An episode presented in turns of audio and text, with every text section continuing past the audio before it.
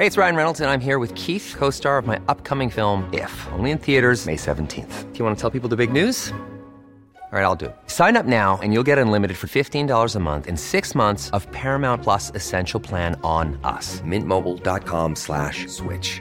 Upfront payment of $45 equivalent to $15 per month. Unlimited over 40 gigabytes per month. Face lower speeds. Videos at 480p. Active Mint customers by 531.24 get six months of Paramount Plus Essential Plan. Auto renews after six months. Offer ends May 31st, 2024. Separate Paramount Plus registration required. Terms and conditions apply if rated PG. This Mother's Day, celebrate the extraordinary women in your life with a heartfelt gift from Blue Nile. Whether it's for your mom, a mother figure, or yourself as a mom, find that perfect piece to express your love and appreciation. Explore Blue Nile's exquisite pearls and mesmerizing gemstones that she's sure to love. Enjoy fast shipping options like guaranteed free shipping and returns. Make this Mother's Day unforgettable with a piece from Blue Nile. Right now, get up to 50% off at BlueNile.com. That's BlueNile.com.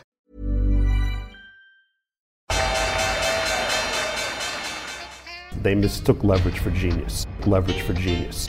I would recommend Japan. The governments don't rule the world. Goldman Sachs rules the world. Velkommen til Tid er penger, en podkast med Peter Warren. Her er episode 122, og i dag skal vi snakke om en rekke tema. Peter har en del å si om Afghanistan. Han var jo tidlig veldig opptatt av Afghanistan i sommer, som viste seg å være en veldig viktig uh, sak. Uh, det har kommet mye interessant research, masse nye ideer, nye tilnærminger til både hedging og Kina og mye annet som vi skal ta opp. Snakke litt om det som skjedde med Fed i forrige uke. Vi hadde en liten milepæl på vår egen chat. Peter har en veldig artig idé som, uh, som ikke har blitt snakka om tidligere, om en mulig short. Ellers så har vi nådd ny rekord siste uke. Tesla har funnet opp en robot, og finansinfluensere tjener en absolutt formue. Så det er ca. dagens episode, litt i løs rekkefølge. Uh, det er også kapitler på episoden, hvis du vil, da, den egentlige rekkefølgen. Uh, vi har også ei hjemmeside som er tiderpenger.no. Uh, der har vi en del innhold som vi har laga rundt podkasten, som er da alt du trenger for, for, å på en måte møte ei uke med finans. Så du har jo selvfølgelig podkasten og en blogg der. og da finner du også hele arkivet tilbake til den første episoden, hvis du ikke klarer å finne det på andre tjenester. så har vi noe som heter Finansopedia, Eh, hvis du går inn på Tider penger og menyen, så finner du alle de tingene. Finansopedia er et oppslagsverk, så hvis du hører på podkasten og lurer på et ord eller et uttrykk, så vil den sannsynligvis være å finne der. Og det er ikke helt fullstendig, men den er fullstendig innen kort tid. Vi har også en nyhetstjeneste som vi kaller Newswire, som er en um, uh, ei liste over brukere som deler nyheter veldig konsekvent på Twitter, og den driver oppdateres automatisk. Så hvis du bare vil vite breaking news, med et finansielt fokus, så er det bare å ha den sida oppe, så vil du da oppleve at det oppdateres automatisk og gratis. Gratis og live. Apropos live, så har vi en live chat som uh, er som et kompliment til Facebook-gruppa, som er en da litt sånn tregere frekvens på, på, samtalen, så vil chatten være på en måte løpende det som folk er interessert i. Vi har nettopp runda 6000 medlemmer, og uh, den finner du da på livechat i menyen der. Så har vi en uh, jobbannonseplattform som vi er i tidlig fase med å utvikle. Det vil ligge noen jobber der, og så er det også en del diskusjon rundt jobbsøking, også på chatten på den kanalen som heter Jobb. Etter hver episode så sender vi ut et nyhetsbrev. Um, det nyhetsbrevet tar for seg all analysen vi har brukt for å på en måte danne oss den oppfatninga av hvordan markedet er nå, og det som vi har brukt for å på en måte lage en episode.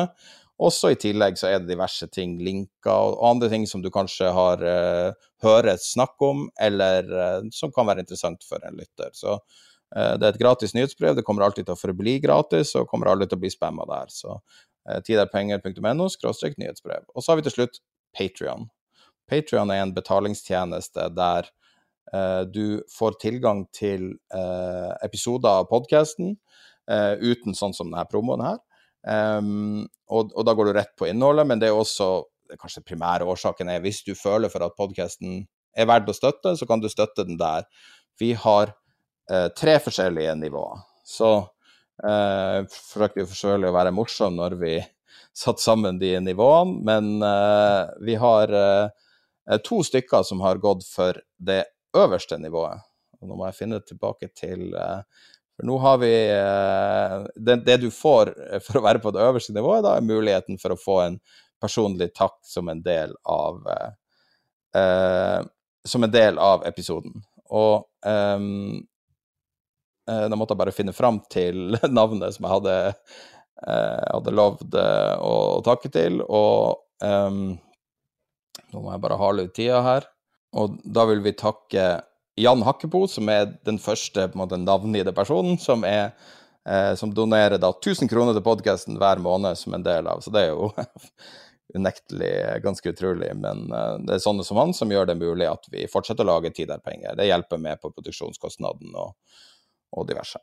Så eh, hvis du har lyst til å være med og støtte Tider-penger, så går du på tiderpenger.no skråstrek Patrion, Patreon. Eh, da tror jeg kanskje vi kan komme i gang med episoden. Ja, da er vi i gang. Eh, da har vi kjørt en eh, Før oppstart i dag så kjørte vi en 30 minutter pre-episode der vi diskuterte om ting var interessant å diskutere. og, men én ting som definitivt er interessant, da, som vi i hvert fall er helt enige om, så er det det at for en tre-fire episoder siden, så du, Peter, eh, plutselig ut av det blå trakk ut Afghanistan, som eh, vedder på at mange lyttere, og i hvert fall jeg ikke hadde tenkt på på lang tid, og i etterspillet så har det vist seg å være veldig signifikant. Eh, nå er det vel hva er det, én dag til de skal eh, trekke seg helt ut og, og, være helt slutt på en 20-årig krig? Ja, um, ja, det er som du sier, det er, det er et døgn igjen. og og, og, spenningen er jo ekstremt høy. Samtidig altså Vi snakket jo Da vi opprinnelig begynte å snakke om dette, så var det jo at jeg mente at det ikke var noe etterretningssvikt. Og til tross for at uh, den norske Nato-sjefen hevdet at det, uh, at det, var en etterretningssvikt, så har det ikke vært en etterretningssvikt um, som ligger til grunnlag for, for det som vi kan det, det, som oppfattes som ganske rotete da, i øyeblikket. Fordi de eh, allierte Nato-styrker, USA og de andre, de, de, var klar over kapasiteten til Taliban. Um, visste også intensjonen til Taliban, for det hadde jo Taliban vist allerede ved å bevege seg ganske hurtig i, i, i eget lende. Men det man undervurderte, det var jo helt klart eller overvurderte, blir det jo faktisk riktig, og det var regjeringshærens villighet til å kjempe. Og dette er, jo, dette er jo folk som er trent av allierte styrker. Og det som er den store forskjellen, slik jeg ser det, da, mellom Taliban og regjeringssoldatene, er motivasjon. Du har På den ene siden så har du da eh, Taliban, som da har vært motivert i mer enn 20 år, fordi Taliban forut for de het Taliban, så het de uh, Mujahedin, og de er jo faktisk noen som regner de for, for, for, å være mujahedin, og det er de jo for så vidt, uh, fortsatt. Um, så de har kriget da mot uh, da russerne, og da senere da mot uh, det amerikanskledde koalisjonen som da kom inn i 2000 to for, for alvor inn i, inn i, Afghanistan. Så du kan si du har ekstremt motiverte krigere på den ene siden, og så har du mindre motiverte eh, regjeringssoldater. Og hvorfor? Jo, fordi det landet For det første så har de jo mistet ekstremt mange mann. Altså jeg tror USA over disse 20 årene har mistet noe sånt som uh, røftlig 2500 uh, soldater uh, i, i krigen der, mens afghanerne har mistet Altså den afghanske regjeringshæren har mistet over 60 000 mann. De, det er mye korrupsjon i landet, og soldater har ofte ikke blitt betalt. Slik at det, det, var ikke en sterk motivasjon. altså annet, hvis, du, hvis du utelukker ting som spesialstyrkene, politiets spesialstyrker som da er blitt trent av, eh, av uh, norske soldater hvis du, hvis du, tar de bort, fordi jeg, altså Hvis du først går gjennom den type trening, så, du, så, må du være motivert i utgangspunktet for å gjøre det. Men hele apparatet rundt, altså uh, var lite motivert. Og når da ledere stikker av og lar soldatene sine være i felten altså Alle disse tingene burde man ha kjent til på forhånd, eller kjente man egentlig til på forhånd. Så man overvurderte egentlig den ene siden langt fremfor at man undervurderte den andre. Og så er man oppe i, denne, i den situasjonen som er nå. Og så langt, da, så kan vi jo si at Taliban, etter å ha rykket inn i i, i, i Kabul har, har, fulgt det kartet som vi trakk opp, nemlig at de ønsket egentlig ikke konfrontasjon. De ønsket eh, å ivareta sikkerheten der, og at ikke dette ble en konfrontasjon. Og så har da IS, altså den islamske stat, altså ISK, eller IS, ISIL-K, eller hva du vil kalle det, altså Korazon, da utnyttet denne situasjonen, som heller ikke var overraskende, bare så det er sagt, um, til å komme på kartet. Og dette er da IS-krigere altså, altså, Vi husker jo De aller fleste av oss gjør nok i hvert fall det. Altså krigen da i Irak, som, som da Når amerikanerne trakk seg ut og lot Irak være på en måte i ruiner, så oppsto det da misnøye, og du fikk og IS, opp, altså islamske stat, opp, oppsto fra det. Fant plenty av våpen og uh, begynte da i, i Irak og, og, og, senere i Syria, som vi husker. Og så skulle de da opprette et kalifat i Syria, men så slo allierte og Nato uh, til. Men så flyttet jo disse her seg. Men, men og det er det altså Jeg har vært i diskusjoner med, med flere uh, den, den, siste uken, og så sier ja, men IS er da ikke i Afghanistan? Jo, det er de. Altså, de har jo faktisk vært der altså, De har i hvert fall vært der siden to, uh, 2014. Sannsynligvis har de vært der tidligere enn det også. Men jeg mener at den første emiren, altså den første uh, som, som, de ga da kontrollen over, som IS da, og som, som da lovet lovet uh, troskap til al-Baghdadi, som da var leder for, for IS. Um, han mener jeg overtok i, i 2014. Det, han var for øvrig tidligere, uh, tidligere Taliban, så han, han uh, forlot Taliban for å for å opptre for den islamske stat. Og de har da opptrådt i dette området, altså Nangarhar eh, provinsen i, i, i, stor, i, stor, grad. Og, og, de har jo da gjort massivt mange angrep. Altså det er jo mer enn 80 angrep. Jeg tror Jeg lurer på om det er så mye som 800 sivile som har vært drept på den siden av, altså på den afghanske siden av grensen. Det har også vært drept mye sivile ved angrep på den pakistanske siden av, av grensen. Um, nå er jo disse, altså hvis du, hvis du, tar en rett linje fra, omtrent da, fra, fra Kabul gjennom Nangahar-provinsen og, og, og, fortsetter, så kommer du faktisk til Abbottabad, hvor, hvor uh, bin Laden uh, endte, sine, endte, sine, dager. Så dette er da svakt Hva blir det? Det blir øst uh, øst-sørøst for, um, for Kabul. Men poenget er at denne faren har man har faktisk de allierte sett hele tiden. For i 2016 så gjennomførte man et luftangrep hvor denne emiren blir drept. Og over de neste uh, to årene så uh, tar amerikanerne livet av gjennom droner og, og luftangrep de ytterligere tre de, de, de, neste tre emirene som ble, ble utnevnt.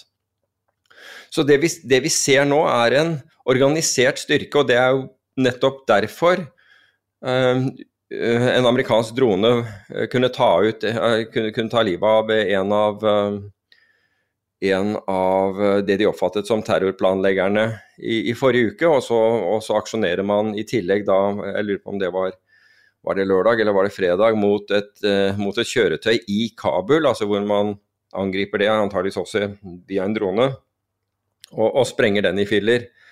Så det så, så denne, dette vinduet på en måte av kaos som følge av at følge av 31.8.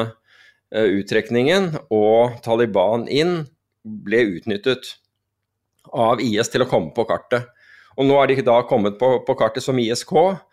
Og selv om de er styrketallmessig ekstremt underlegne Taliban, så er jo de da blitt et problem. Og når man da snakker om, om terror altså Sist gang så snakket vi om er det noe fare for at Taliban vender, uh, vender ansiktet eller aksjonerer utenfor Afghanistan. og Det mener jeg fortsatt er, er en veldig liten sannsynlighet for, fordi de er opptatt av å, å få tilbake sitt eget land. Så er det noe helt annet når det gjelder islamske stat. Så der har du mulighetene for, for, for det, som, det, som, skjer i øyeblikket. Så er gang, nå er jo den situasjonen mer spent på en måte, eller blitt vesentlig mer spent som, som følge av dette, enn altså som følge av uh, det, det, den selvmordsbomberen og jeg tror er, er uh, tapstallene kommet opp i 170 drepte, var det siste jeg så, som følge av dette, enn en det klart var mens man egentlig oppfattet at det var det som var igjen av Nato-styrkene med, med, USA i spissen på den ene siden, uh, og, og, Taliban på den andre. Det er jo ganske, det ganske besynderlig når du begynner å snakke om de her navnene, og når du ser på USA sin rolle i historien, da hvordan det her oppsto, og hvordan de her alliansene har svingt frem og tilbake. Uh, jeg husker Rambo 3, den filmen. Uh, okay. den, I slutten av den så er det en sånn plakat på den opprinnelige utgaven av Rambo 3 før den kom på kino. Så sto det 'This movie is dedicated to the brave uh, Mujahideen'. Afghanistans brave Mujahideen. Og så og så endra situasjonen seg rundt, uh, og så endra de til Brave Afghanistani' eller et eller annet sånt. Eh, og så ser du liksom altså USA har jo vært inne der eh, på et eller annet vis eh, Jeg husker ikke når det starta, var det på 70-tallet det starta? Når, altså det var det, når det var kalde krigen foregikk i Afghanistan mellom eh, eh, Sovjet og USA. og og det var jo, har jo svingt fram og tilbake med allianser med bin Laden-familien og alle de tingene. Nå er jo ikke det Afghanistan, men likevel. Og, mm. så, og så har du på den andre sida al-Baghdadi, som er, på sett og vis ble delvis skapt av USA som en viktig figur. Der han ble utropt til å være en viktig figur når han ikke var det. Sånn at det er utrolig interessant å se at mer eller mindre alt USA har prøvd på, er, er sånn eh, uh, politisk knytta til militært, har feila. Er hele det amerikanske maskineriet bare er det, er hele ideen bak det det feil? Liksom?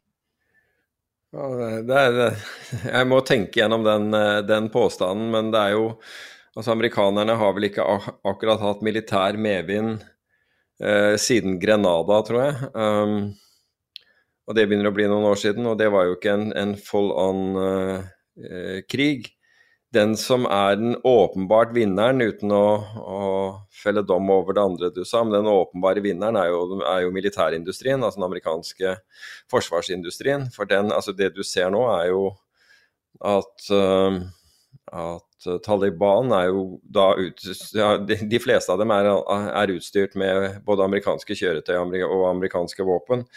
Og Det var vel neppe intensjonen i, i utgangspunktet, men det er jo da en, bransje som, som, uh, som, tjener penger uansett hvordan, uh, hvordan, dette går. Ja, Hvor mye kostet et F-35-fly? Nå får jo Nord-Norge får jo en drøss med F-35 denne uka inn på basen på Evenes. Ja, det, ja drøss, er det er, er, det ikke fem stykker eller noe sånt som kommer? Jeg vet ikke, jo, men de, de koster nå en del, så ja, jeg vil kalle det drøss. Ja, det er en milliardpris på, men uh, men uh, altså, jeg nå, nå, vet vi jo ikke, og, og, vi ser jo det at det er en stor grad av mistillit til, til Taliban. Derav ønsker folk å, å, flykte. og Norge har da forsøkt å få, få ta med seg så mange de, de kunne på den korte tiden, bl.a. Eh, troppene, altså disse spesialstyrkene, politiets spesialstyrker som de har trent med, med, familie, men det er jo blitt en exodus ut av der uten like. Altså, man kan snakke om eh, en logistisk nightmare, og der, altså, den biten har man jo virkelig uh, er, altså, man, Jeg kan ikke huske at man har flyttet så mange mennesker med en luftbro på ja, Om man noen gang har gjort det, antageligvis har man aldri gjort det eh, på så kort tid. Så lo, lo, logistisk sett så er jo dette en ekstremt imponerende Eh, operasjon midt oppi eh, Og, og farefull, uh, farefull igjen også. Så Men geopolitisk, da, hvis vi tenker på det sånn, fordi at åpenbart krig er elendighet, og det er på en måte Det er jo eh, et ganske veletablert faktum. Men uh, Og prøver ikke å gjøre noe uh, Altså uh, ikke, ikke, si at det her er alvorlig, for det er veldig alvorlig, men vi snakker jo veldig ofte om finans, da. og Uh, men det, det, geopolitiske vil, vil, jo nettopp være unnskyld at jeg avbrøt, men det geopolitiske vil nettopp være at, at, dette har gitt islamske stat en helt ny betydning igjen. Og nå har de kommet i på en måte medienes søkelys igjen, til tross for at vi har visst at de har vært der, og de, de er i Nord-Afrika osv. Men nå de, Disse angrepene, eller de, muligheten for angrep som man så på flyplassen, var ikke fra Taliban, det var fra nettopp IS, altså som, som etterretningskilder fulgte. Og det var fordi vi, Hvis de slo til der, så ville de så, så, ville de øke sin egen betydning. De ville få veldig mye oppmerksomhet. Og det ville se ut som det var de som drev, uh, drev amerikanerne ut av landet, for å si det på den måten. Eller i hvert fall slik ville de fremstille det. Og det er jo akkurat det som har skjedd. Og vi snakket om, om Taliban, som da sannsynligvis vil vil nøye seg med, med, med, Afghanistan, altså de ønsker å overta sitt eget land. Her snakker vi om IS som ønsker et kalifat. altså det Khorasan eh, består jo av, eh, består jo av Afghanistan, Pakistan og, og Iran. Og, og, muligens andre land også som de, de ønsker eh, tatt med der. Så, så, jeg vil jo si at terror, altså faren for terror Nå sier jeg ikke på norsk jord, bare så det må være helt klart, men faren for terror generelt i verden har jo økt med denne denne anerkjennelsen, om du vil, og det setter jeg i, eh, i eh, Hva heter det for noe? Uh, ikke kursiv, men i anførselstegn. Er, da, er jo at de nettopp skal bruke dette som, en, som et springbrett for å komme tilbake igjen i, i, den, i den geopolitiske diskurs. da hvor man ikke har hatt dem på en stund. Så, så, bit, så det øker faren etter, etter min oppfatning. og så, så, får vi nå se om, om Taliban holder, holder, sine løfter eller ikke. Men uh, jeg tror det, det, altså, det er jo Tap av menneskeliv er jo alltid, uh, alltid, forferdelig, og her har det gått, i denne krigen som har vært ført i 20 år, har det gått veldig mange menneskeliv. Men man har sikkert lært også en ting, og denne luftbroen er vel en av de tingene som Altså bare å organisere det å skape den sikkerheten man har klart å skape. Den har ikke vært 100 det, det vet vi jo, men eh, det er jo en ganske en stor oppgave i seg selv. Jeg tror eh, vi kan kanskje ta et taktomslag nå. Eh, jeg har sett litt på research fra de forskjellige investeringsbankene som har kommet før helga. Jeg så egentlig bare på ting som kom etter amerikanske sentralbanken hadde det der digitale Jackson Hole-symposiumet. Um, og prøvde å liksom se litt hva, hva, det er som stikker seg ut. Uh, først og fremst så var det uh, en oversikt laga av bloggen Zero Hedge, som var veldig gre grei og enkel, som viser estimatene til de forskjellige investeringsbankene for SMP 500 og hva de forventer framover. Og da er spennet er um, mellom Bank of America, som venter at det ender på 3800, helt til Goldman Sachs, som venter 4700. Uh, stort sett uh, hva, hva det ligger nå, SMP? Ja, den ligger vel i rett over 4-4. 4-5, tror jeg. Ja. ja. Uh, så um, det ligger stort sett spredd utover hele bildet. Det som overrasker meg kanskje mest, er vel både Morgan Stanley og Bank of America, som er relativt bearish i sine estimater. Uh, det snakka vi om i Citigroup også. Eh, ellers så har jeg sett litt på Kina nå, eh, egentlig. Vi har jo snakka om det i, løst og fast de siste månedene. Det at det er ting på gang i Kina som er litt sånn vanskelig å kanskje forstå. Eh, Bloomberg hadde en veldig interessant analyse av talene til Xi Jinping. Eh, jeg legger det her ved, og alt sammen som jeg omtaler nå, legger jeg ved i nyhetsbrevet som går ut. Eh, du kan melde deg på på Tiderpenger. skråstrek nyhetsbrev, så får du alle de grafene og tingene vi refererer til. Um, uh, Xi Jinping, presidenten i Kina, uh, de har målt antall ganger han sier uh, 'common prosperity', som man kan si er ganske sånn kommunistisk slagord, i taler fra 2012 til så langt i år. Og så langt i år har han sagt 'common prosperity' dobbelt så mange ganger som hele fjoråret. Og det er jo litt sånn i takt med det vi ser i Kina nå, med De slår ned på alt mulig. Så siden sist så Altså, de har jo slått ned på alle mulige slags selskaper som, som jobber med Altså som har noe som helst personlig data. De er veldig opptatt, tilsynelatende veldig opptatt av uh, nystarta firmaer som holder på dataen sin om kinesere.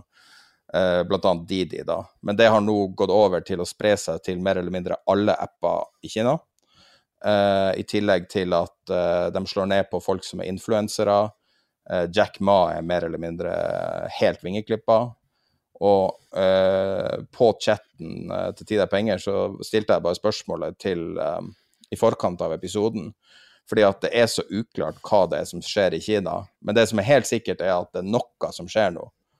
Og det er ei eller annen endring de har gjort. Og hvis du da baserer deg på hvor ofte han nevner Crumman Prosperity, så kan man jo tro at eh, Kina er i ferd med å gå litt tilbake til sine kommunistiske røtter, og kanskje litt bort fra det her veksthysteriet.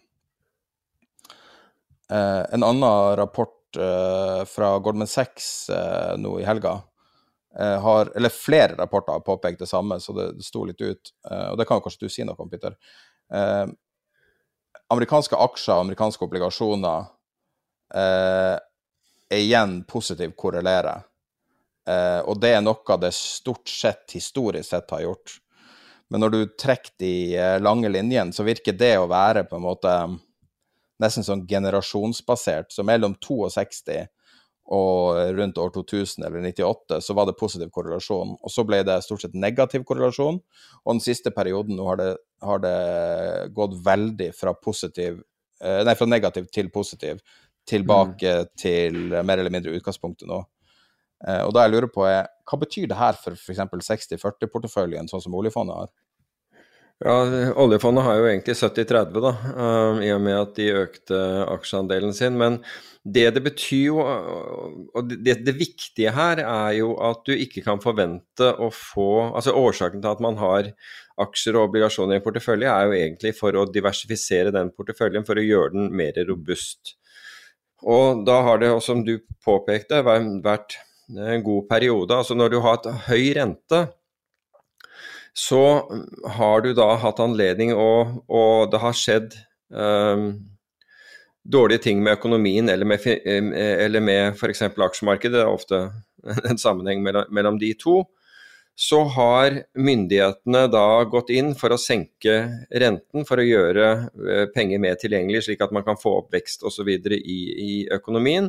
Og så har man gjort visse typer andre tiltak, sånn som kvantitative lettelser, hvor man kjøper da lange obligasjoner for å presse renten ned. For når, man, når, eh, når uh, obligasjonskursene stiger, så, så reduserer man da avkastningen på de obligasjonene. Så, kan, så, poenget her er at hvis du har en veldig lav rente, så er, så er det altså hvis, altså hvis, vi går tilbake igjen til, til 80-tallet, hvor, hvor, du hadde 12% avkastning på amerikanske tiåringen, det er klart at da har du ganske mye å gå på fra 12% ned til ja, hvor vi er nå, 1,2 da, røftlig. Um, og Dvs. Si det fallet uh, i rente blir en kursoppgang for obligasjonene. og Obligasjoner blir da motvekten til aksjer når, når, aksjer går galt. og Det opplevde vi også i, i 2008. Man kom inn og brukte da renteinstrumentet eller rentevåpenet for å, for å gjøre penger eh, For å senke kostnaden på penger, altså man ord lånerente og gjøre penger mer tilgjengelig. Men når du er nede på nullrente i mange land og, og 0,25 i noen osv., men veldig lavt, da er det jo grenser for hva du kan gjøre. altså Amerikanske statsobligasjoner i dag på 1,2, ja der har, noe, der har, du litt å gå på. Ok, Du kan presse den ned der den var, da. Um, så La oss si at du halverer den til 0,6. det, det, virker, men hvis du tar uh, unnskyld, uh, tyske statsobligasjoner, tiårs statsobligasjoner med minus 0,4% rente, så er det grense for hvor mye minus den renten kan gå. fordi det vil bety at låntagere blir betalt for å låne penger. Du får penger istedenfor at, at du betaler en rente, så betaler banken deg, for å si det på den måten. Og dermed så blir dette våpenet mye mindre verdt, og diversifiseringsmulighetene og effekten blir mye dårligere. Så vi har aldri hatt så konsentrerte porteføljer i forhold til risiko som vi har i dag. Så man må en Man må gå ut og finne eh, diversifisering på en helt annen måte. Og myndighetene har jo gjort alt de kan for å gjøre det vanskelig for f.eks. investorer å investere i hedgefond som har dette som spesialfelt, i hvert fall en, en god del av dem.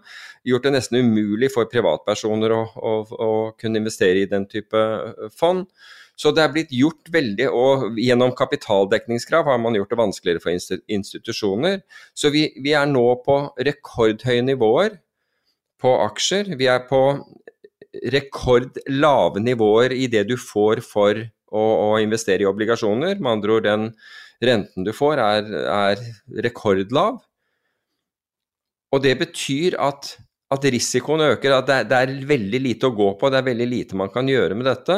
Og så får du ikke bruke andre, uh, andre aktiva klasser, eller i hvert fall i veldig liten grad får du anledning til å bruke andre aktiva klasser. Så det betyr at når vi er da på, på rekordnivåer i aksjemarkedet, på rekordverdsettelser i aksjemarkedene, så har vi mindre alternativer som vi kan diversifisere med. Og vi gjør det, myndighetene styrer dette slik at man skal få så lite alternativer som mulig. Og dermed så er på en måte alternativet er å enten å ha pengene i, i cash, eller å ha de altså, Og det koster deg, fordi du får jo ingen rente i banken.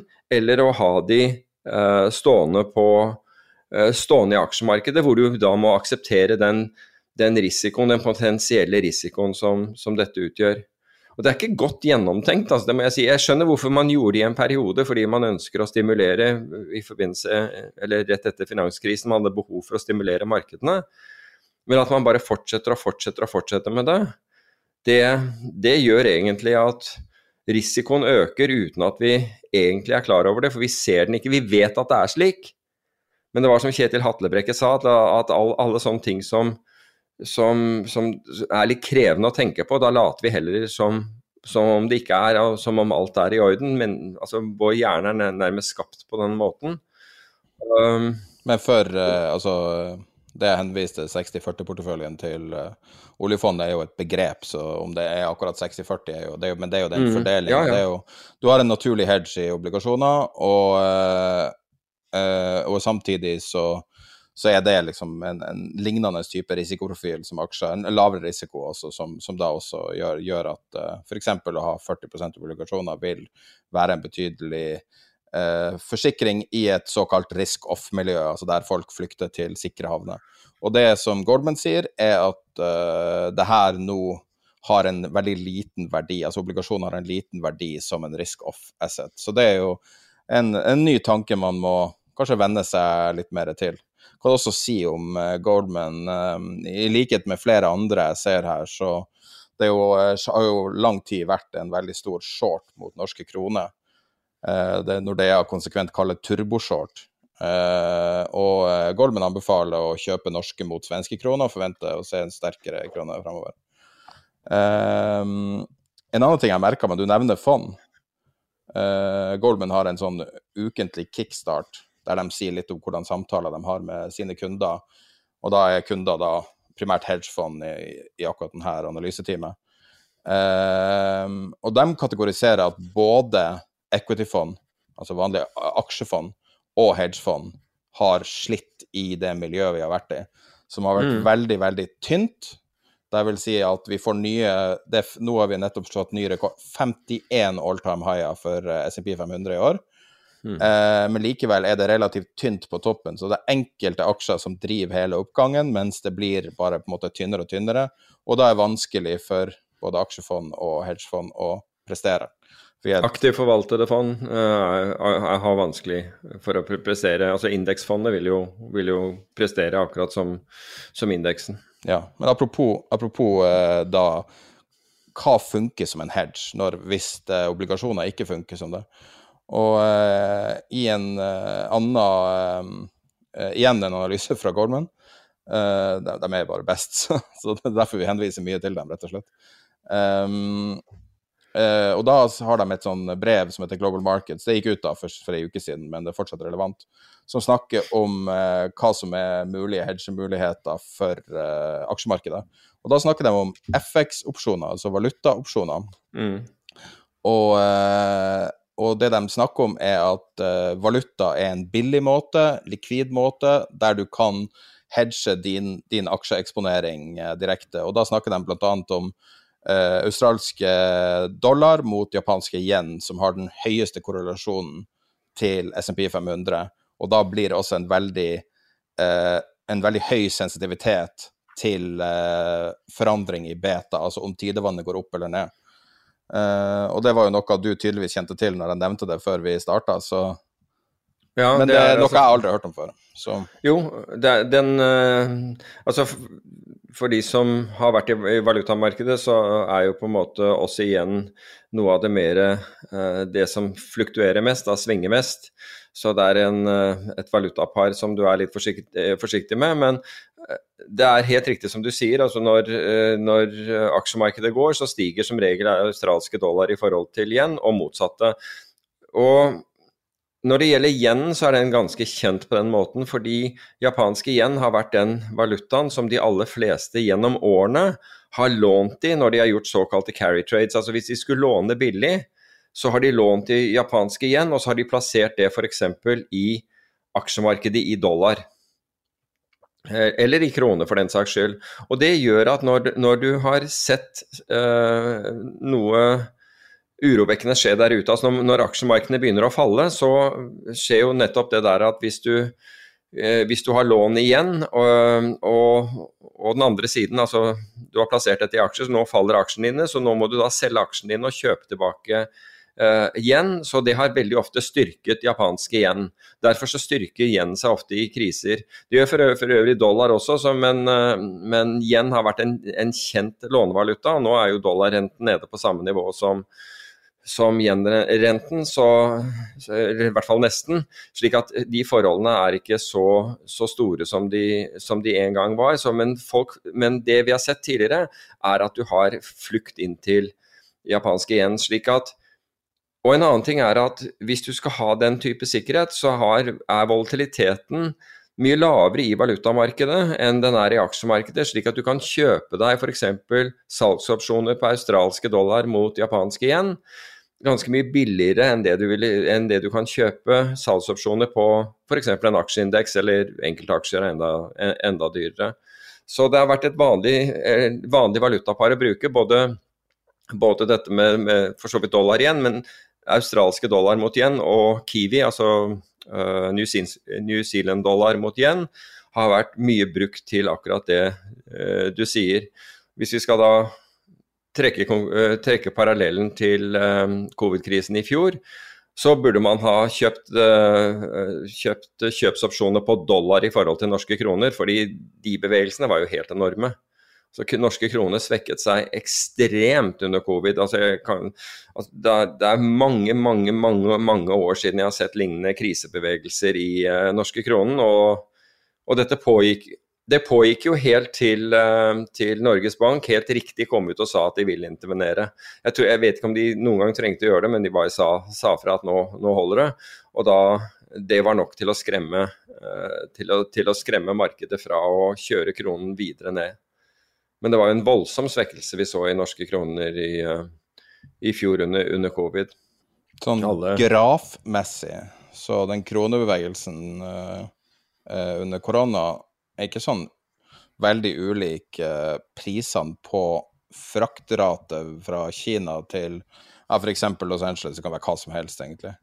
Så eh, Nordea hadde eh, i sitt, eh, en av sine siste analyser med en graf over eh, fraktraten mellom Beijing og, og eh, Los Angeles, og den er opp seks ganger siden starten på 2020. Eh, HSBC hadde også en oppdatering på det og snakka om at eh, eh, det er blitt eh, mer eh, kø på havnen, og det er den tyfon Infa i Asia, i tillegg til økte eh, koronatiltak og sesongvariert eh, eh, etterspørsel, som gjør at prisene bare går opp, opp, opp, opp. opp. De sier kjøp containerskip og kjøp alt. og Det her kommer til å fortsette. Men uh, mitt ståsted er Det spørs om vi får julegaver til jul, for at uh, ting er så forsinka nå. Og julegaver som skal i butikker, blir jo bestilt ofte i januar, februar, mars.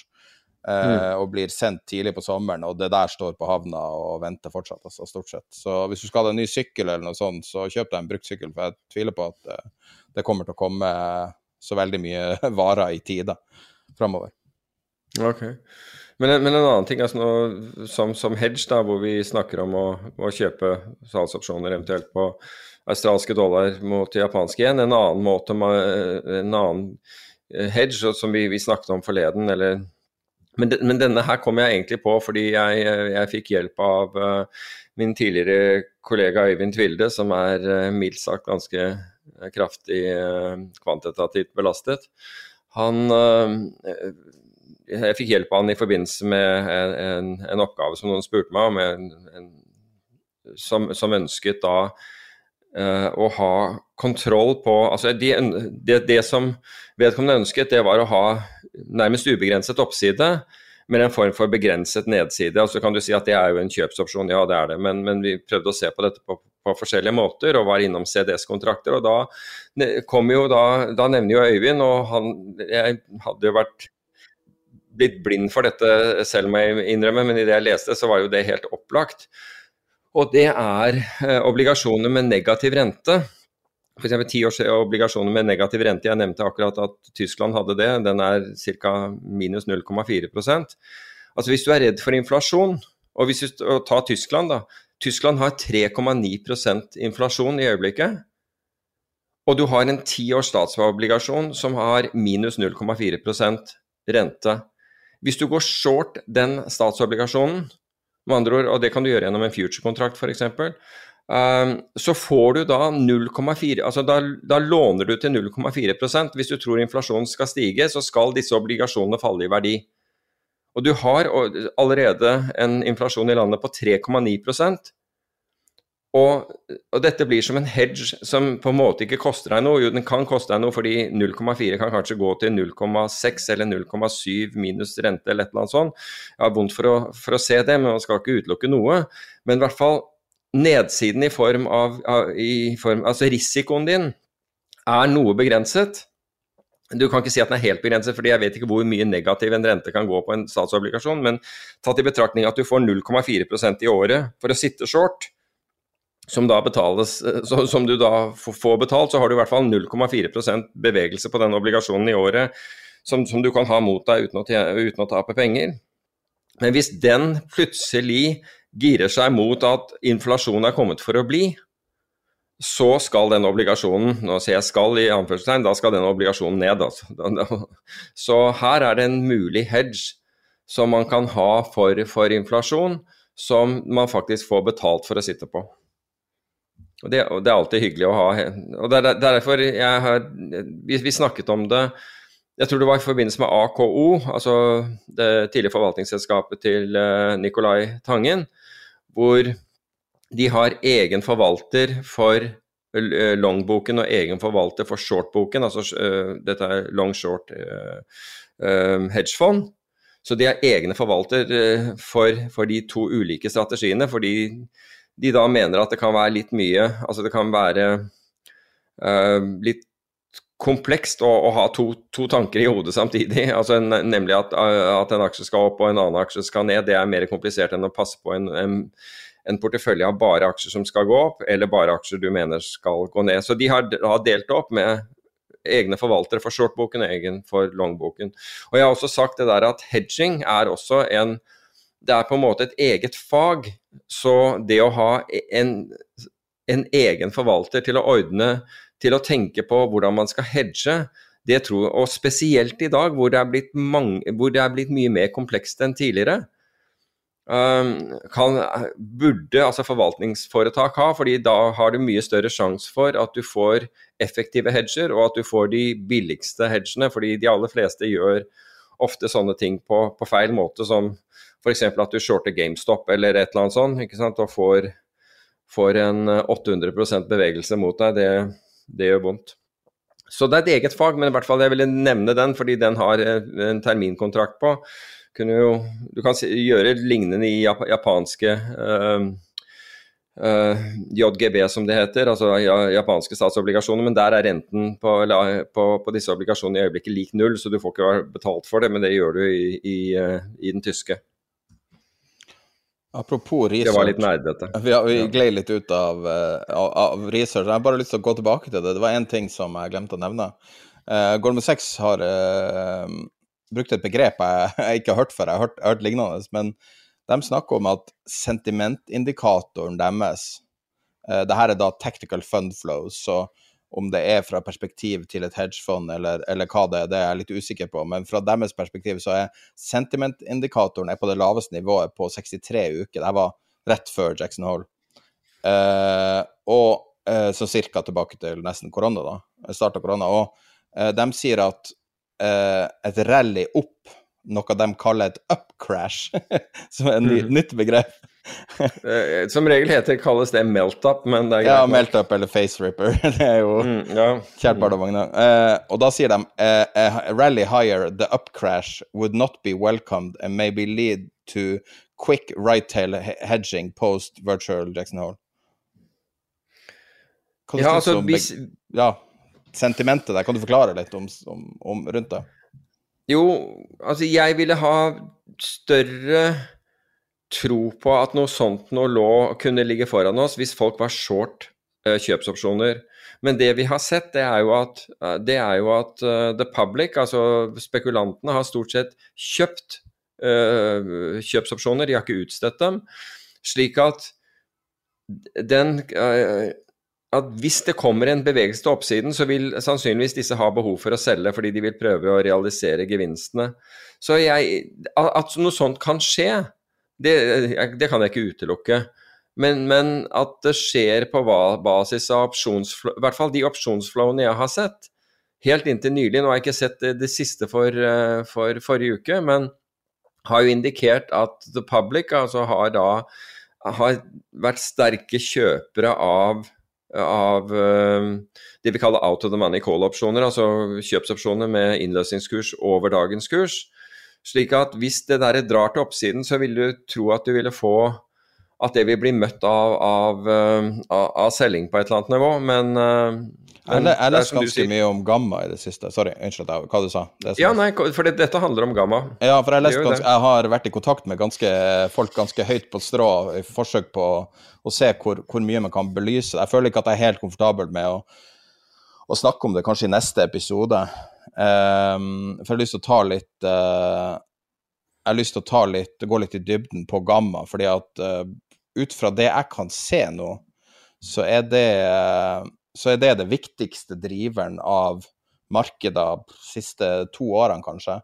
Eh, men, men, hvis vi bare tar sånn veldig, veldig uh, enkelt, så er det veldig tynne markeder nå overalt hvor du, hvor du snur deg. Så det skal relativt sett små mengder kjøp, enten av marketmakere eller av investorer, for å flytte kurser betydelig. Og jeg husker jeg leste en, uh, en gjennomgang av en, en en Tesla-trade som på en måte underbygger litt av ideen om at Tesla-rally i fjor var veldig rart. Uh, det voldsomme rallyet på mange, mange hundre prosent. Mm. Og, og, da var det en som hadde gått og så analysert uh, i dybden på én en enkelt kort, altså kortdatert opsjon 100 dollar over kursen én uh, dag unna. Altså Det betyr at du vedder på en 10% opptur for aksjen på én dag, uten at det var noe spesielt planlagt den dagen. Uh, I opsjonsverdenen er det ganske crazy bet. Det er i hvert fall nok til at uh, hvis den går inn, at Finanstilsynet vil garantert ta og kikke på, uh, på, på, deg og vennekretsen din for å vite om du hadde innsideinformasjon. Det kan jeg love deg. Men tingen er jo at folk gjorde, på Tesla i fjor, så gjorde jo folk mm. det her hele tida. Det, jo, mm. altså det skjedde jo så ofte at det ble, en vanlig, det ble en vanlig greie å kjøpe helt crazy opsjoner. Og det denne analysen visste, da forklarte dynamikken med hvordan marketmakeren måtte hedge seg på andre sida, som igjen drev opp kursen masse. Den ene hedgen drev opp kursen masse, mange prosent, på mm. én hedge.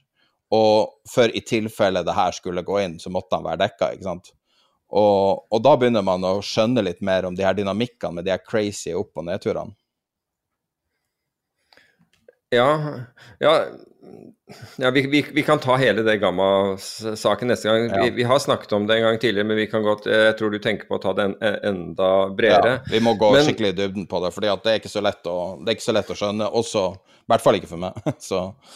Nei, men, og da kan vi ta, ta, det nøyaktig hva det er som, som, som skjer. Men, men, det er én ting som uh, si, irriterer meg. Men jeg blir litt oppgitt når folk driver hele tiden og snakker om markedet går opp. Og det er så mye nye penger som kommer inn i markedet. Det er det som gjør at markedet går opp. Ok. Men for hver eneste kjøper i markedet, så er det noen som selger. Altså hvis det blir en transaksjon. Så når, når, vi snakker om i annenhåndsmarkedet, så kommer det ikke mer penger inn i markedet fordi om, om noen begynner å kjøpe. Fordi du får ikke Altså, for at det skal være en transaksjon, så må noen selge for nøyaktig det samme beløp. Så det, det skjer ikke noe det kan, det kan, skje en verdioverføring mellom, mellom, disse to, avhengig av hvordan dette, dette, går eh, fremover. Men i realiteten så betyr det ingenting. Altså, det er ikke kommet mer penger inn i, i markedet. Annet enn når du snakker om nyemisjoner. Der kommer det mer penger inn i markedet. Men de fleste bruker dette uttrykket at det, er, det, står så mye Det kommer inn så mye, mye, nye kjøpere, og det kommer inn så mye nye penger. Altså, er, vi bytter penger. Det er det som foregår i markedet. Jo, men du kan jo kalle det marginale kjøpere. Nye marginale ja, kjøpere. For du har jo en naturlig ja, ja. etterspørsel i aksjemarkedet. Du har pensjonsfond, du har hedgefond, du har eh, aksjefond men, som naturlig kjøper. Men poenget kjøper. mitt er at hvis du, hvis du, skyter penger inn Ok, så du skyter penger inn i et, uh, i et aksjefond som nå må gå og, og kjøpe de aksjene i markedet. ok? Du har riktignok skutt inn nye penger inn i det aksjefondet, men for at de skal få tak i de aksjene som de er nødt til å, å kjøpe fordi dine penger skal inn i aksjemarkedet, så har noen solgt for tilsvarende.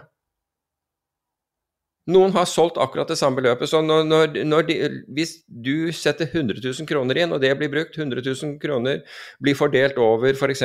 Norske, eh, norske eh, selskaper som er med i indeksen, så kommer det akkurat like mye ut fordi det står en selger på den andre siden. Det men, skapes ikke penger der. Men blir det ikke som å se på, hvis du skal se på dagens omsetning, så kan du velge å se på to ting. Du kan enten se på antall aksjer omsatt, og så kan du se på antall kroner omsatt. Mm. Når du snakker om nye penger, så er det jo antall kroner omsatt. Og det resulterer i høyere aksjekurser. Ja, men det er ikke nye penger. Nei, men det, det er pga. at aksjekursene er høyere. Og ja, da kommer noen... du til den marginalkjøperen. Ikke sant? Altså, I norske boligmarkedet, jo, vi, vi er, som er kanskje lettere å forstå. Det er, det er ja, ja. marginalkjøperen som, Jeg skjønner hva du sier. Markedet. Det er ikke nye penger i form av at, uh, at det er det man kanskje kaller friske penger i et prosjekt. Ja, selskapene får ikke noe mer penger. penger. Selskapene har ikke fått noe mer penger. Selskapene får ikke mer penger, men de kan gjøre corporate business senere uh, på et billigere nivå, så de facto mer penger. Det kan de. Det er, en, det er, en, mulighet de har. Men jeg bare sier at det, det, er helt riktig. At, at, det kan følge av det senere. Men da, kom, men da, er det nye penger igjen. Da er det ikke de samme pengene, fordi da det, da er det nye penger som kommer inn hvor de sier at vi, nå tar vi og emitterer Vi trenger 100 millioner kroner for vi skal gjøre et eller annet oppkjøp eller noe sånt. Eller det er vel milliarder om dagen. Da kommer det friske penger inn. Det er jeg helt enig i, for, for, da er vi inn i førstehåndsmarkedet. Men når, når, dine 100 000 som du kjøper aksjefondsandeler for, blir satt inn i markedet, så kommer det ikke en krone inn, fordi det er noen som selger da uh, aksjer for 100 000 kroner, for, for, uh, som er en motpart uh, til, til, dette. Men det her er litt sånn naturlig overgang til på, på regnearket vårt, det som vi kaller tema to, som er velstandsskapet. Nå er jo det vært en um, Eh, et veldig stort tema de siste årene, og er åpenbart et ganske stort tema på vei inn i uh, valgkampen. Uh, mm. Før vi sier noe om det, så uh, jeg har en oversikt her. Så det var noen på chatten til Tid penger som la det ut. Jeg syns det var en veldig fin oversikt. Over forskjellige lønninger i Norge. Hvor mange prosent av det? Og over én million kroner var egentlig et overraskende lavt. Det er bare 6% av befolkninga som er over 1 million. Og det finnes jo enkelte offentlige stillinger som betaler mer enn 1 million, så, men det er likevel bare 6 Og ja. under eh, 400 000 kroner er sånn, sånn ca. 47 eh, 45-47 eh, Så um, uh, under 400 vil vel regnes som en relativt lav lønn, i hvert fall i Oslo. Um, mens det da nå, nå, er det ingen utvikling over tid, men jeg vil uh, tro at det at mer enn 50% av befolkninga tjener over, uh, over 400 000, det tror jeg er en relativt ny oppfinnelse. At, uh, at det velstandskapet har, har endra seg, og kanskje spesielt den øverste braketten, som er da over 1 million, av det er 6% Ja, jeg, det, det diskuteres jo voldsomt akkurat nå i, under, under, valgkampen, naturlig nok, og så kommer det opp i forbindelse med, med formuesskatten og med uh, inn, nyinnføring av arveavgift og osv. Men, men uh, det som jeg syns var interessant i forrige uke, det var en artikkel som jeg leste i DN av en kronikk som var uh, som var skrevet av Gøril Bjerkan, og hun er bl.a. rådgiver for, for LO. Og hun sier at pengepolitikk er også politikk. Og hun, eh, slik jeg forsto henne, altså hun mente da at sentralbankpolitikken hadde gjort mer for å øke velstandsgapet enn enn f.eks. For formuesskatten. Fordi, og, og hun nevner jo da fordi ved å ikke altså Vi har jo snakket om dette med robusthet og naturlig seleksjon. Med andre ord at tidligere, så var det, altså før 2008, så var det slik at hvis du hvis du tok for mye risiko, og du da øh, ble rammet av at du hadde tatt for mye risiko, nemlig du tapte pengene, så tapte du de pengene. Ferdig med det. Da var pengene tapt, og, og, du måtte da bygge deg opp igjen på nytt igjen fra, fra null, eller i verste fall en, med en gjeldsbyrde. Men etter finanskrisen, så pga. Av, av metodikken til sentralbankene, hvor man da skulle støtte opp om markedene, så fikk man ikke den, fikk man ikke den, den effekten. I det hele tatt, så det er en annen, altså Vi snakket om robustheten, noe som ville gjøre at folk ville tenke på risiko og være mer forsiktig i forhold til uh, hvordan de håndterte risiko, at de ville lære seg å håndtere risiko. Mens etter finanskrisen, eller i forbindelse med finanskrisen, så kom bare sentralbanker inn og gjorde at de som skulle ha tapt pengene, La oss si at staten overtok, eller et eller annet sånt, og dermed så fikk du på en måte rotasjon. De, de gikk fra, fra, fra, toppen i næringskjeden, da, hvor de hadde store formuer og sånt, bang, så, så, så, var det borte. Og dermed så skapte du en rotasjon, altså i, i muligheter. Nei, ved å gjøre det sentralbanken har gjort, med å støtte opp, så, gjorde, så sørget man, altså så sydde man puter under disse, sørget for at de ikke tapte penger. Men, i, men, effekten av det er at de har fortsatt å, å, tjene penger. Så du kan si at de har vært med på å øke Den sentralbankpolitikken har vært med på å øke velstandsgapet ytterligere. Fordi vi, vi har ikke bare forhindret at de har tapt penger, vi har gjort det mulig for dem å bare fortsette i samme sporet. Og hun viser jo da bl.a. Til, til i 1991 hvor, liksom, hvor, eh, hvor banker sant, ble overtatt av staten, og aksjonærene tapte alt. Og ved å gjøre det, så, sørge, altså så, så ble det en overføring. altså Når bankene tapte alt, så, så kom jo staten inn, tok, uh, tok over, uh, over, de aktuelle bankene. Og senere, når disse bankene kom på, på fot igjen, mye senere, så solgte staten seg ut gjennom vanlig, gjennom vanlig nedsalg til en god gevinst. Med andre ord, du, du, roterte kapitalen rundt, altså slik at om du vil skattebetalerne fikk, fikk, noe igjen for den risikoen de hadde tatt med å redde bankene. Men ved å gjøre det på den måten som nå har blitt gjort, så har det faktisk også bidratt til, til et økt vel, velstandskap. Uh, og jeg syns det var i, hvert fall for altså, måten hun gjorde uh, illustrerte det på, syns jeg var, var, veldig god. Og for meg, altså jeg har vært opptatt av det med robustheten og naturlig seleksjon, men, men her påpeker hun også den andre virkelig negative uh, effekten du har ved å, ved å bruke skattebetalernes midler på, å redde andre uten at det har noen kostnader for dem. Det er jo noe vi har snakka om litt i podkasten tidligere i forbindelse med moral hazard. Det er ja. at uh, det må svi. Det må svi for at hele på en måte, At alle skal ha det bra. Så hvis det ikke svir å tape, så kommer du til å drite i om du taper. Ja, da, da, du, da, er det ikke noe incitament for deg å, være, å lære deg om risiko og være forsiktig. Der fins det ikke noe incitament, fordi du, du, skyver jo bare regningen over på noen andre. Ja. og da kan vi flippe litt over til Fed, for det, det var jo et megaforventninger til det møtet som var i, i forrige uke um, uh, på Jackson Hole, eller det var jo det var vel hjemme hos, hos, hos uh, Powell, men um, han holdt da et innlegg uh, som var forventa at det skulle på en måte underbygge når vi, når vi skal endelig stoppe og støtte økonomien i tidenes rallymarked, bare påpeke det. Um, mm. Og han sa 51 nye toppkurser i år, ja, som du påpekte i sted. Og han sa mer eller mindre ingenting. Når du hører Powell snakke, så høres han ut som en veldig forsiktig mann.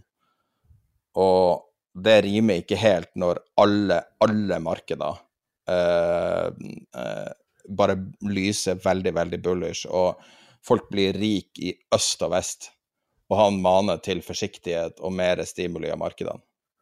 Ja, han ville, ha, han ville ha, enda mer bevis fra, fra, arbeidsmarkedet enn det han allerede har fått. Og, og han og sier at inflasjonen har snudd også, men jeg vet ikke helt hva han refererer til det.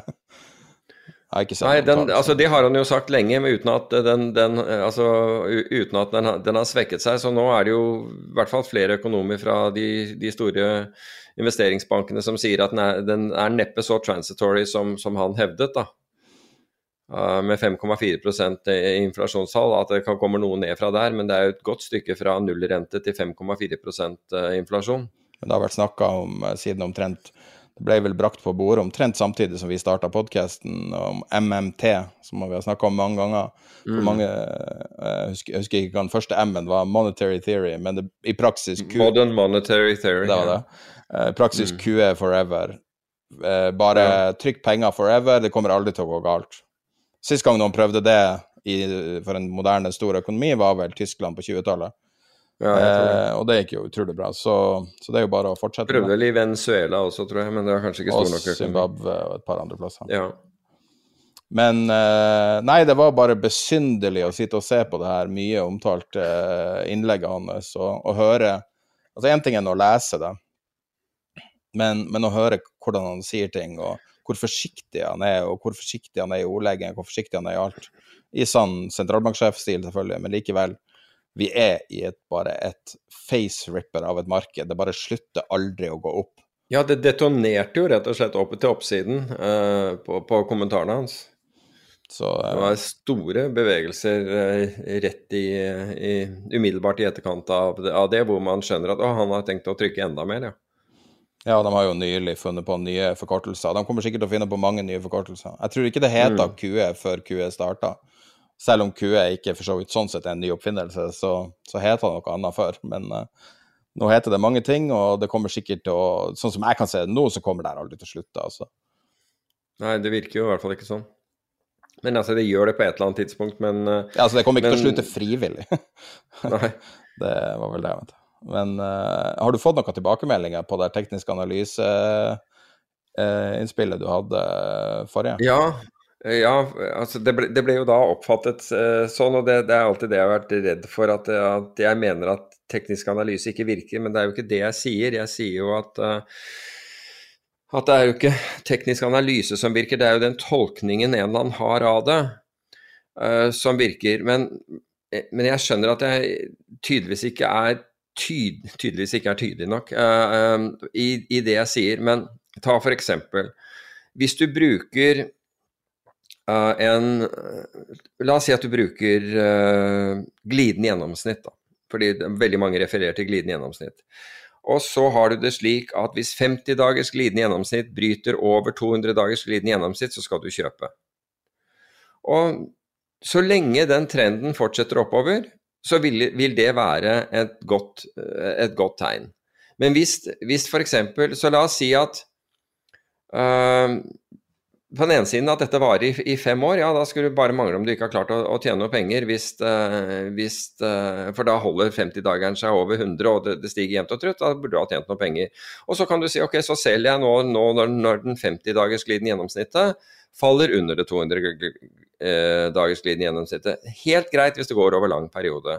Men hva hvis det 50 dagers glidende gjennomsnitt, som det fins belegg for og, og, som har skjedd flere ganger, går da over 200 dagers glidende gjennomsnitt, for å så falle ned igjen under eh, eh, noen dager etterpå, for å så gå opp igjen noen dager etterpå, og så Da blir du vippet ut og inn. Og poenget mitt er kan, er uansett om du bruker momentumindikatorer eh, av ulike årsak, ulike typer, RSI for å, for å, se om markedet er overkjøpt eller oversolgt, hvor du da kjøper når det er oversolgt og selger når det er overkjøpt osv. Alle disse tingene virker av og til. Problemet er at, de, at, hvis du går og tester dette her, så vil du se at det også er store perioder hvor det ikke virker.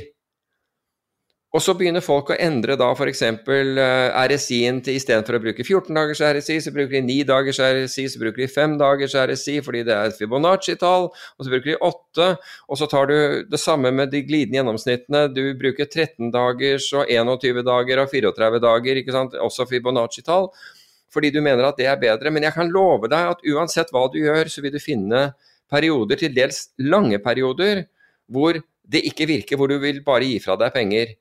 Og problemet er at selv om det der virker på lang sikt, så vil du antageligvis etter en, Hvis du er uheldig med perioden du kommer inn hvor dette her ikke virker, la oss si at det ikke virker de neste to årene, da, hvor, hvor egentlig netto du, du, taper penger ved å bruke det, så har du mistet tilliten til at dette kommer til å virke eh, to år senere. Så, så kunsten, hvis det, eh, det, er nok mer en kunst enn noe annet, gjerne gjøre om til en vitenskap, er ikke å velge om det skal være ni dager eller fem dager eller åtte dagers øh, øh, lang indikator du bruker, men isteden om du klarer å se regimeskiftene. Altså når f.eks. et oppgangsmarked går over til å være et marked som er mer sidelengs, altså fins det noe altså Det er der det er regimeendringene som gjør hvorvidt folk klarer å tjene penger over tid. Nemlig at de er da fleksible, for det første at du ikke da bare er hengt opp i én ting. Fordi de, den ene tingen den kan virke veldig lenge, helt til den ikke virker lenger. Og det er akkurat de skiftene som er, som er, er hvor det gjelder. Det er der folk gir fra seg fryktelig mye penger, og de gir også fra seg selvtilliten sin når de gjennomgår sånne, slik at de kommer ikke med når dette her begynner å gå, for de tror det er bare et nytt falskt signal. Så det som har vært liksom, gull verdt en periode, nå er det bare falske signal, så jeg har ikke noe tro på det. Så det er ikke så viktig å vite altså, hvilken indikator du bruker, om det er som jeg sa, RSI momentum, eh, MACD eller glidende gjennomsnitt eller eksponentielle glidende gjennomsnitt eller point of figure eller hva du er. Det er hvis du isteden fokuserer på å prøve å forstå regimeskifter, altså når markedet endrer karakter, og klarer å finne noe som, som gjør deg oppmerksom på det, og den enkleste måten er faktisk å se på din egen profit and loss. Altså plutselig hvis, hvis i Når du vet at denne f.eks. den indikatoren din skal virke, så, så, la oss si at den da virker i syv av åtte ganger, så, du, så, så tjener du penger. Hvis det plutselig går da vesentlig ned, slik at øh, tapsrekken din begynner å bli veldig mye større, da kan du, det er en enkel måte å si at ok, her har det i hvert fall skjedd noe.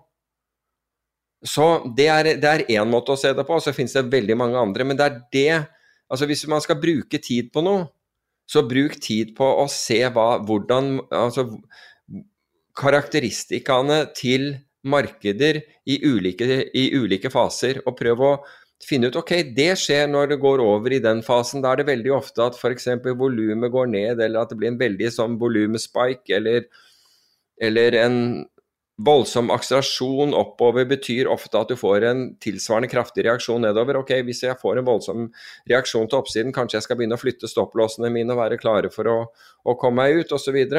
Det er sånne ting som kommer til å, å, være de som bestemmer om du over tid klarer å tjene penger eller ikke, kontra å blindt følge et eller annet system som en eller annen legger opp for deg, eller som du legger opp, uh, opp selv jeg husker selv fra jeg hadde veldig smarte karer eh, som, som jobbet for meg. De var kvantitativt veldig smarte og driver i dag innenfor high frequency. Eh, og de, de, spurte meg om hva var reglene for, for, for, en modell jeg brukte. Og så programmerte de det inn, og så testet de det. Og så kommer de og sier, vet du hva, det der tjener ikke penger. Den, det der tjener ikke penger. Vi har testet det på alle disse valutaparene og alt det der andre. Det tjener ikke penger over tid. Ja, men, så, det er umulig. Nei, så, sier de. Er, vi, tvi, vi, vi, setter ikke tvil til at du tjener penger, det ser vi, det ser vi av resultatene. Men, jeg, men, du følger ikke den modellen. Jo, jeg var helt sikker på at jeg fulgte den. Men i virkeligheten så gjorde jeg ikke det, fordi jeg ville da, med den kunnskapserfaringen og alle de heuristikkene jeg har oppbygget over tid ved å sitte og se på markeder, så vil jeg av og til si mm, ikke her, eller jeg ville flytte kursen vekk. Og det var i realitet det jeg gjorde, jeg var bare ikke klar over at jeg gjorde det. Da bare flyttet jeg vekk fra et nivå, eller flyttet til et annet nivå, eller trakk meg ut av markedet eh, helt. Fordi jeg så et eller annet jeg ikke likte. Men, det, men jeg trodde faktisk selv at jeg brukte modellen helt, eh, helt slavisk. Men jeg gjorde ikke det. Og, og det, er, det, er, egentlig forskjellen. Det er at du har oppdaget ting i markedet som da har satt seg i underbevisstheten din. Som sier til deg at vent nå litt, det her ser ikke så bra ut, det her tror jeg går mye lenger. Så jeg, jeg selger ikke her, jeg tror faktisk det går, går, går lenger osv. Så, videre. så det er sånne ting. Altså det er ikke altså Teknisk analyse er som fundamentalanalyse. Det er, det er et veldig nyttig verktøy, men det er mer komplekst enn at det gis enkle kjøps- og salgssignaler som, som, er universelle, og du kan bruke på hvilken som helst valuta, råvare, aksje eller aksjeindeks eller, eller edelmetaller over tid. Det lar seg ikke gjøre. Uh, de, må tilpasses. Og hvis du klarer å finne disse regimeskiftene, så da er du inne på noe. Da er du inne på noe. Så har, det er ikke det at jeg ikke liker eller har tro på teknisk analyse. Jeg har veldig tro på, på verktøy, altså statistikk som et verktøy. Jeg har veldig, veldig, veldig tro på. Uh, men du må gjøre jobben for å, for å, finne hva som virker, fordi det er millioner der ute av andre. Kanskje ikke så mye millioner i norske aksjer, men det er sikkert noen 10 000, 100 000 mennesker som, som ser på det også, globalt. Som forsøker å gjøre det samme som deg. Så du må da klare å finne noe som ikke de har funnet. I hvert fall over tid. I hvert fall hvis noe begynner å virke, så, så kan datamaskiner eh, lese det rett og slett. Og, og gjennom, eh, gjennom, AI og ML kan da finne hva, hva, som virker. Og så begynner nok folk å bruke det, og så, så virker ikke det lenger. Da må det, må det, modifiseres. Og det er egentlig det som, som jeg forsøker å si. Det er ikke bare å kjøpe en eller annen tjeneste, hvis den er statisk, vel å merke å tro at nå har du egentlig fått, uh, fått uh, Sareptas uh, krukke i, i, fanget, og det er bare å gripe ned og dra, dra opp gullet. Så, så, enkel er dessverre ikke verden. Jeg tror litt av problemet er at navn sånn som RSI f.eks. får folk til å misforstå Strength Index. Ja, ja, som får folk til å misforstå litt effekten av hvor, hva den egentlig måler, osv. Um, ja. Nå er vi over en time her, og jeg vet at du uh, vil runde av på en time, så uh, jeg foreslår at vi flytter det med krypto til neste uke. Ja, det kan vi gjøre, men kan jeg ta ukens sitat der? For jeg syns det var ganske godt. Dessverre så Ja, vi kan avta de tre siste temaene her, bare sånn touche inn på dem i tillegg. Du må gjerne si ukens jeg la, jeg la, et ekstra sitat under, hvis du ser det. ja, og det, ja, det er du som gjorde det. Ok, kjempe, kjempebra. fordi og, og sitatet er 'Consuming information is not the same as acquiring knowledge'. Og jeg tenker i dag så konsumerer vi så vanvittig mye informasjon, men veldig lite av det blir til, blir til kunnskap. Fordi vi, vi bombarderes med, med, på internett med all mulig informasjon. Vi eh, leser eh, ja, Nettaviser er jo internett selvfølgelig, og andre aviser og osv. Vi får inn meldinger på telefonen vår samtidig, og vi, vi tror at vi har lest fryktelig mye, vært gjennom de og de bøkene. Men hvis du ikke har tenkt, hvis du ikke har samtidig tenkt ha over det du leser, så blir det ikke til kunnskap. Det blir flytende informasjon som går inn det ene øret, og som kanskje bruker litt tid på å gå, gå ut det andre, kanskje lenge nok til at du klarer å nevne det ved, ved eh, over to kaffer eller et eller annet sånt, men så er det borte. Så hvis du skal tilegne deg kunnskap, så må du faktisk sette deg ned i, i ro og mak og tenke over, kanskje skrive ned det du, det du lærer, eller i hvert fall gjøre, øh, gjøre ja, gjøre noen notater. Altså Jeg fant jo ut bl.a. når jeg leser denne boken til Kjetil Hatlebrekk som vi har snakket om, The Problem of Secret Intelligence. Altså Det er veldig mange, mange år siden jeg har gulet ut sitater, men han, hans setninger er ganske lange. Uh, og kan være komplekse fordi han forsøker å være presis. Og det gjør at jeg, at jeg, er tilbake med å bruke sånn gul sånn merkepenn uh, når, når, jeg ser noe som er spesielt interessant. Uh, og det er det mye av i, i, den boken. Men jeg er ned til det fordi ellers så, ba, ellers så går det bare tvers igjennom. Og da hjelper det ikke å, liksom, å si den andre, i den andre enden at jeg har lest, jeg har lest over 100 bøker i år. Jeg. Ja, men hva var det det egentlig handlet om? Hva kan du si om de forskjellige? Og da vil du finne ut at du kan bare si veldig, veldig lite. Uh, hvis du ikke har brukt den der tiden eh, til å, til å fokusere og, og, og, konsentrere deg. Så må jeg ta det sitatet som du skrev under, og det er 'Constantly talking isn't, isn't necess necessarily communicating', og det er jo sant. Og det er jo også en ting som vi bør være mye mer presis på, er, hvis du skal ha frem et budskap, er, er jo at det, det, handler jo både om timing, altså hvordan du sier det, avstand mellom ord, men det har også med tonaliteten i stemmen din, hvis du virkelig skal ha noe frem. Uh, og det er mange faktorer. Det kan også ha med kroppsspråket ditt å gjøre samtidig, eller det har også med det. Så det er mange ting her som, som Og det å bare snakke er ikke, er ikke kommunikasjon, og det er jeg helt enig i. Det var egentlig godt påpekt. Um, rett før vi starta i dag, så leste jeg litt i Wall Street Journal. Um, og um, de hadde et oversikt, de hadde intervjua en del sånne her uh, finansinfluensere. De er folkene på TikTok og YouTube og alt mulig som lager innhold rundt krypto og sånn memestocks og alt sånt der. Og det tallene hva de tjener, sjokkerte meg totalt. Så langt i år, på et halvår, en kar som ble intervjua, en jeg aldri har hørt om før, har tjent fem millioner dollar. Og han har til og med lagt ved kvitteringer som viser at han har, at han har flere millioner dollar i omsetning bare på YouTube-reklame i året. Så mm. det høres ganske riktig ut. Eh, jeg kan også si at han der norske influenseren som uh, fikk så mye pepper, han der um, uh, som snakka om krypto og en kryptobørs, han fikk så mye um, mye gjennomgang i media. Han har det jo ganske bra fortsatt, da. For han, på, Hvis du ser på hans avtale, altså det er jo ikke sånn, han har ikke noe spesiell avtale sånn sett, så, eh, så får han jo betalt uh, hver måned av trading som dem som han har verva, gjør. Så han har flere hundre tusen i, i månedlige inntekter, gitt at tradinga wow. holder seg. Så uh, da er det greit å stå i media og henge med hodet og si unnskyld, jeg burde ikke ha løyet og alt sånt, fordi at du har det som tilsvarer ei årslønn på 1-2 millioner. Oi. Jeg, trodde, jeg tror eh, Jeg syns jeg så en overskrift i dag rett før vi kom i gang med en som hadde tapt 30 millioner på, på, på, på, på trade i Norwegian. Jeg håper ikke han var en av kundene, holdt jeg på å si. Nei, det var jo krypto i så fall, men uh, han så ut som han kom fra en litt annen verden. Men uh, du, så den der, uh, der Tesla-roboten som ble presentert nå nylig? Jeg vet ikke om du så den før du uh... Nei, jeg hørte, jeg hørte, en Nei, jeg gjorde ikke det, men jeg, men jeg hørte på en, en podkast om denne her undersøkelsen i USA, den der investigation som de har nå på, på Teslas selvkjørende biler, og hva det var som hva det var som eh, hadde gått galt, holdt jeg på å si. Eller de vet ikke hva som har gått galt, de bare vet at eh, det systemet ikke fungerer som det skal. Nei, jeg bare syns det robotkjøret deres er det merkeligste jeg har sett. Altså, Men hva er, nei, så, er det denne Nei, så det er ingenting. De annonserer ingenting. De annonserer sånn som CNBC kalte det 'a guy in a suit', eh, som ser ut som en robot.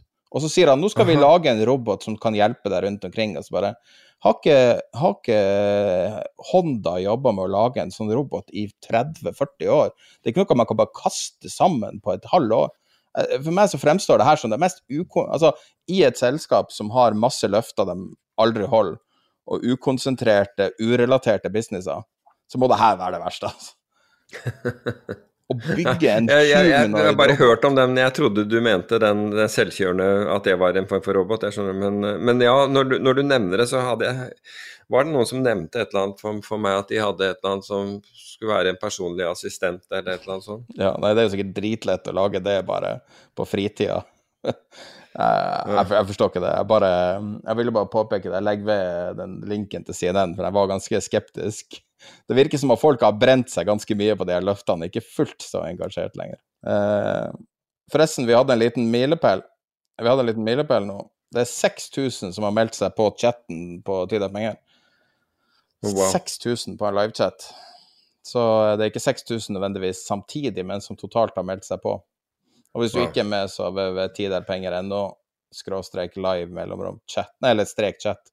Du finner det også i menyen på Tiderpenger. Der står liksom reglene og hvordan du melder deg på. Det er veldig fin Jeg syns det er en fantastisk informasjonskilde.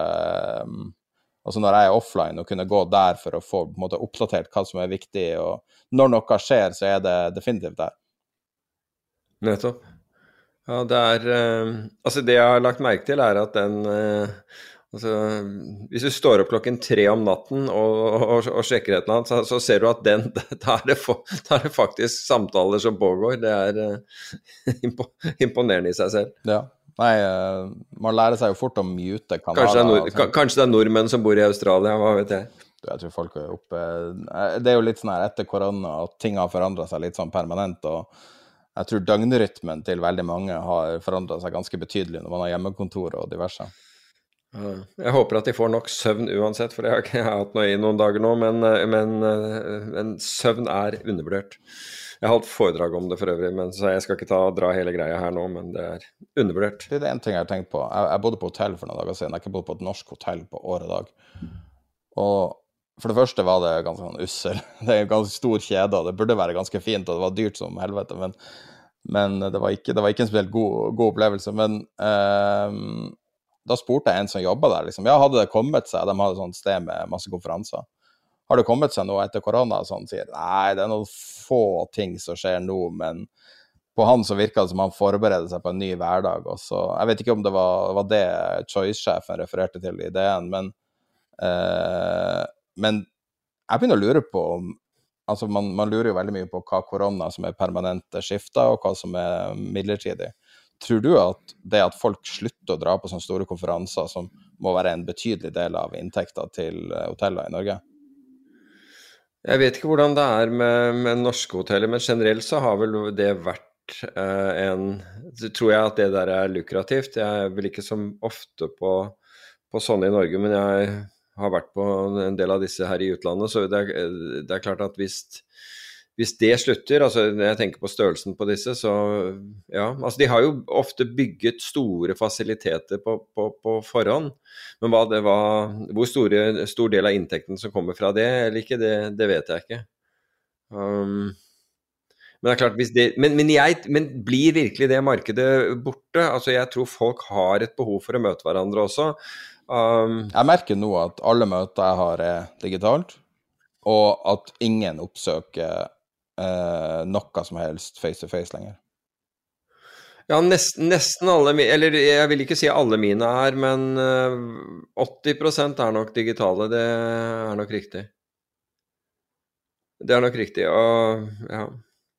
Og så er det egentlig ganske greit, fordi du, du slipper å bruke mye tid på å komme deg til et eller annet sted og, og sånn. Men, men jeg vil my, Altså, jeg har vært med, med bare et par unntak, men da har jeg vært med i paneldebatt som har foregått over, um, over nettet. Så har jeg sagt nei til å holde foredrag over nettet, og det er, og det er sikkert dumt, fordi um, Eller det er opplagt uh, dumt i forhold til uh, i, i forhold til uh, engasjement, altså hvor ofte du, du holder, holder foredrag. Men jeg foretrekker eh, absolutt, men det kan være at jeg er for old school, å, å holde foredrag foran uh, a live audience, som de, de sier. Fordi det er en helt annen feedback, og det, jeg føler at jeg trenger den, den feedbacken også. Spesielt hvis du Uansett, altså hvis, du, hvis det er viktig at, no, at de forstår et tema, at du går fremover og prøver på en måte å, å få folk til å at de er nødt til å oppfatte det du, det du sier til å begynne med for at det skal være, ha verdi lenger ute i, ut i foredraget, og at liksom folk er med, så ser du det eh, når du, når du står enten foran eller blant folk og snakker. Men, men det, du gjør ikke det på samme måten, i hvert fall tror ikke jeg, hvis du eh, når, når du ser det på når, når du kjører et nettmøte. Men nå, kan, nå vil sikkert noen arrestere meg og si har du prøvd dette utstyret og, og den appen eller noe sånt nå? Og det kan godt hende at det fins ting som gjør at, uh, at du får veldig god altså non-verbal uh, kommunikasjon i tillegg til uh, i tillegg til det du sier. Uh, hvis du gjør det digitalt, det kan være. Men altså, det det motsatte argumentet av det der er jo Peloton, det amerikanske treningsselskapet. Eh, Ja. De gir jo da Uh, har sånne sykler du kan trene hjemme og på en måte ja, simulere fellesskap. Og, og de, de, måtte kutte prisene på syklene og kutte prisene på abonnementene nå i forrige uke, på jeg tror, torsdagen.